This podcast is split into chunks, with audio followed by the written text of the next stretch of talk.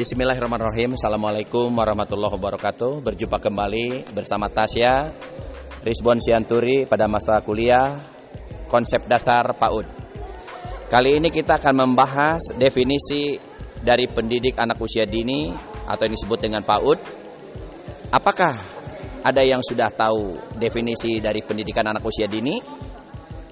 Menurut Undang-Undang Sistem Pendidikan Nasional atau Sidiknas, pendidikan anak usia dini adalah suatu upaya pembinaan yang ditujukan kepada anak sejak lahir sampai dengan usia 6 tahun.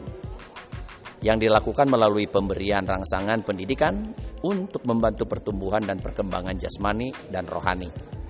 Di mana agar anak memiliki kesiapan dalam memasuki pendidikan yang lebih lanjut. Pendidikan tersebut didapat bisa dari orang tua, bisa dari ibu bapak guru, di guru PAUD sendiri, bisa dari teman, dan bisa dari lingkungannya itu sendiri.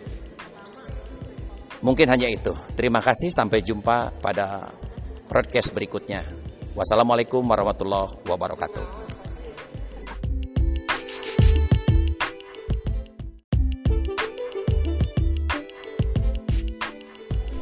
Bismillahirrahmanirrahim Assalamualaikum warahmatullahi wabarakatuh Berjumpa kembali bersama Tasya Rizbon Sianturi pada masa kuliah Konsep dasar PAUD Kali ini kita akan membahas definisi dari pendidik anak usia dini Atau yang disebut dengan PAUD Apakah ada yang sudah tahu definisi dari pendidikan anak usia dini?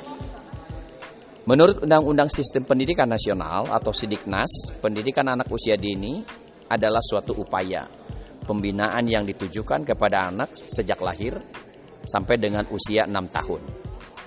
Yang dilakukan melalui pemberian rangsangan pendidikan untuk membantu pertumbuhan dan perkembangan jasmani dan rohani.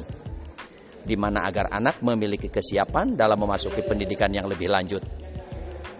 Pendidikan tersebut didapat bisa dari orang tua, bisa dari ibu bapak guru, di guru PAUD sendiri, bisa dari teman, dan bisa dari lingkungannya itu sendiri. Mungkin hanya itu. Terima kasih, sampai jumpa pada broadcast berikutnya. Wassalamualaikum warahmatullahi wabarakatuh.